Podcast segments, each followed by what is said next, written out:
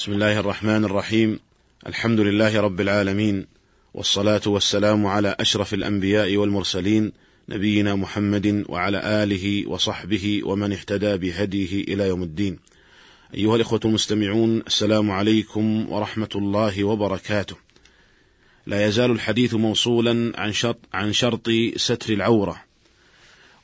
ونبتدئ في هذه الحلقة بالحديث عن معنى العورة في اللغة وفي الشرع. وبالفرق بين عورة النظر والعورة في الصلاة، ثم نبين حد عورة الرجل في الصلاة. فنبتدئ أولا بالتعريف، فنقول إن العورة في اللغة مشتقة من الفعل عور، وقد ذكر ابن فارس رحمه الله أن العين والواو والراء أصلان، أحدهما يدل على تداول الشيء، ومنه قولهم عاور القوم فلانا واعتوروه ضربا إذا تعاونوا، والأصل الآخر يدل على مرض في إحدى عيني الإنسان وكل ذي عينين ومعناه الخلو من النظر. والعورة مشتقة من هذا الأصل كأنه شيء ينبغي مراقبته لخلوه. وتطلق العورة في اللغة على عدة معان فتطلق على سوءة الإنسان وكل ما يستحيا منه إذا ظهر وعلى كل مكمن للستر وعلى العيب وعلى الخلل وعلى الساعة التي يغلب ظهور العورة فيها وهي ثلاث ساعات ساعة قبل صلاة الفجر وساعة عند منتصف النهار وساعة بعد العشاء الآخرة. وأما تعريف العورة في الشرع وأما تعريف العورة في الشرع فهي ما يجب ستره في الصلاة وما يحرم النظر إليه. وهذا هو أحسن التعريفات التي قيلت في تعريف العورة في الشرع. وهو بهذا المعنى يكون تكون العورة مشتقة من الأصل الثاني لمادة العين والواو والراء الذي معناه الخلو من النظر وكأنها شيء ينبغي مراقبته لخلوه. أيها الإخوة المستمعون، وهناك فرق بين عورة النظر وبين العورة في الصلاة، ويتضح الفرق بينهما من خلال بيان المراد بكل منهما. فالمراد بعورة النظر ما يحرم كشفه أمام من لا يحل النظر إليه والمراد بالعورة في الصلاة ما يجب ستره في الصلاة. وليست العورة في الصلاة مرتبطة بعورة النظر لا طردا ولا عكسا كما قرر ذلك شيخ الإسلام ابن تيمية رحمه الله. ووجه ذلك أن النهي عن النظر والمس لعورة النظير كالرجال مع الرجال والنساء مع النساء لما في ذلك من القبح والفحش. وأما الرجال مع النساء فلأجل شهوة النكاح. وأما الصلاة فإن الأمر بستر العورة فيها لحق الله تعالى. فإن المرأة لو صلت وحدها لكانت مأمورة بالاختمار وفي غير الصلاة يجوز لها كشف رأسها في بيتها. وليس لأحد أن يصلي عريانا مع قدرته على الستر ولو كان وحده. وحينئذ قد يستر المصلي في الصلاة ما يجوز إبداؤه في غير الصلاة وقد يبدي في الصلاة ما يستره في غير الصلاة. فمثال الأول المنكبان فإنه قد جاء في الصحيحين عن أبي هريرة رضي الله عنه أن النبي صلى الله عليه وسلم قال لا يصلي أحدكم في الثوب الواحد ليس على عاتقه منه شيء. فهذا لحق الصلاة ويجوز له كشف منكبيه للرجال خارج الصلاة. وكذلك المرأة الحرة تختمر في الصلاة وهي لا تختمر عند زوجها ولا عند ذوي محارمها فيجوز لها أن تكشف رأسها لهؤلاء. ومثال الثاني الوجه بالنسبة للمرأة.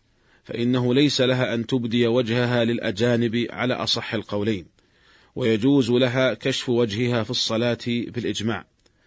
فتبين بهذا الفرق بين عورة النظر والعورة في الصلاة وتبين غلط من ظن أن الذي يستر في الصلاة هو الذي يستر عن أعين الناظرين.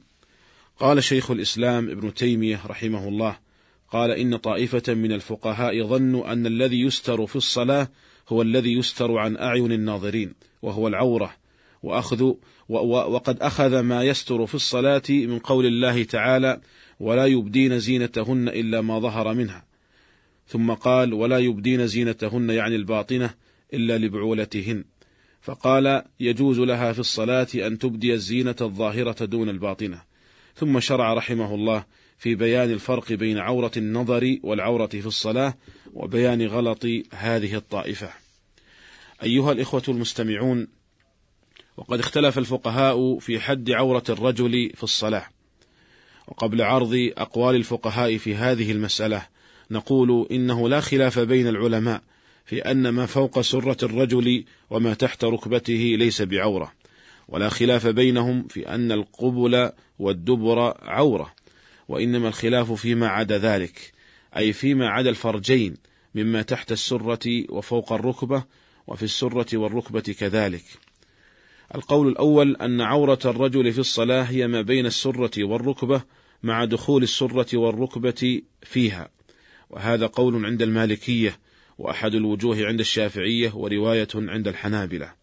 والقول الثاني في المسألة أن ما بين السرة أن العورة في الصلاة هي ما بين السرة والركبة مع عدم دخولهما فيها وهذا هو الصحيح من مذهب المالكية والصحيح كذلك من مذهب الشافعية والرواية المعتمدة عند الحنابلة. والقول الثالث أنها ما بين السرة والركبة مع دخول الركبة وعدم دخول السرة وهذا هو مذهب الحنفية وقول عند المالكية وأحد الوجوه عند الشافعية. والأقرب في هذه المسألة والله تعالى أعلم هو القول الأول وهو أن عورة الرجل في الصلاة هي ما بين السرة والركبة مع دخول السرة والركبة فيها. ويدل لذلك مجموع أدلة والاستدلال إنما هو بمجموع الأدلة لا بآحادها إذ أن أكثرها لا تخلو من ضعف من جهة الإسناد ولكن الاستدلال إنما يقع بمجموع هذه الأدلة. ويمكن تقسيم هذه الأدلة إلى أربعة أقسام. القسم الأول الأدلة الدالة على أن ما تحت السرة وفوق الركبة عورة.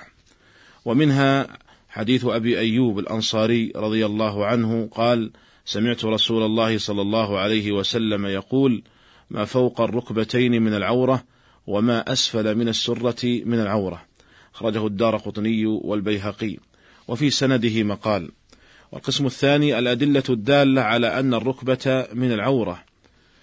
ومنها حديث علي رضي الله عنه قال قال رسول الله صلى الله عليه وسلم الركبة من العورة.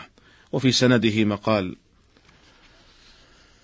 وقالوا ولأن الركبة هي ملتقى عظم الساق والفخذ وعظم الفخذ عورة وعظم الساق ليس بعورة فقد اجتمع في الركبة المعنى الموجود لكونها عورة ولكونها غير عورة فيترجح الموجب لكونها عورة احتياطا. ثالثا الأدلة الدالة على أن السرة من العورة ومنها ما أخرج البيهقي من طريق ابن جريج أن النبي صلى الله عليه وسلم قال السرة من العورة. وهذا الحديث وإن كان صريح الدلالة في أن السرة تدخل في العورة إلا أنه ضعيف من جهة الإسناد. ولهذا قال البيهقي هذا معضل مرسل. ولأن السرة هي أحد حدي العورة فتكون من العورة كالركبة. رابعا الأدلة الدالة على أن الفخذ عورة ومنها حديث جرهد الأسلمي رضي الله عنه أن النبي صلى الله عليه وسلم مر به وهو كاشف عن فخذه فقال غط فخذك فإن الفخذ عورة أخرجه أبو داود والترمذي وأحمد والبيهقي والدار قطني والحاكم وهو صريح الدلالة في أن الفخذ عورة وله شواهد يتقوى بها ولا يقل بها عن درجة الحسن. وكذلك أيضا حديث محمد بن جحش رضي الله عنه قال مر رسول الله صلى الله عليه وسلم على معمر وفخذاه مكشوفتان فقال يا معمر غط فخذيك فإن الفخذين عورة. وهذا صريح الدلالة في أن الفخذ عورة واعترض عليه بأن في إسناده ضعفا لجهالة بعض رواته. وفي حديث علي رضي الله عنه أن النبي صلى الله عليه وسلم قال لا تبرز فخذك ولا تنظر إلى فخذ حي ولا ميت خرجه أبو داود وابن ماجه والحاكم. ووجه الدلالة أن النبي صلى الله عليه وسلم نهى عن إبراز الفخذ والنظر إلى فخذ الغير سواء كان حيا أو ميتا. وهذا يدل على أن الفخذ عورة إذ لو لم يكن عورة لما نهى النبي صلى الله عليه وسلم عن إبرازه وعن النظر إلى فخذ الغير. واعترض عليه بأن في إسناده ضعفا لانقطاعه بين ابن جريج وحبيب بن ثابت وفي سنده مقال. أيها الإخوة المستمعون هذه الأحاديث وإن كان بعضها لا يخلو من ضعف إلا أنها تدل بمجموعها على أن عورة الرجل في الصلاة ما بين السرة إلى الركبة مع دخول السرة والركبة فيها. ولهذا قال شيخ الإسلام ابن تيمية رحمه الله لا ينبغي أن يكون هناك خلاف في أنه يجب تغطية الفخذ في الصلاة إذ كيف يناجي المسلم ربه وهو بادئ الفخذين ولم يستر منه سوى السوأتين أيها الإخوة المستمعون نكتفي بهذا القدر في هذه الحلقة. ونلتقي بكم على خير في الحلقة القادمة إن شاء الله تعالى. والسلام عليكم ورحمة الله وبركاته.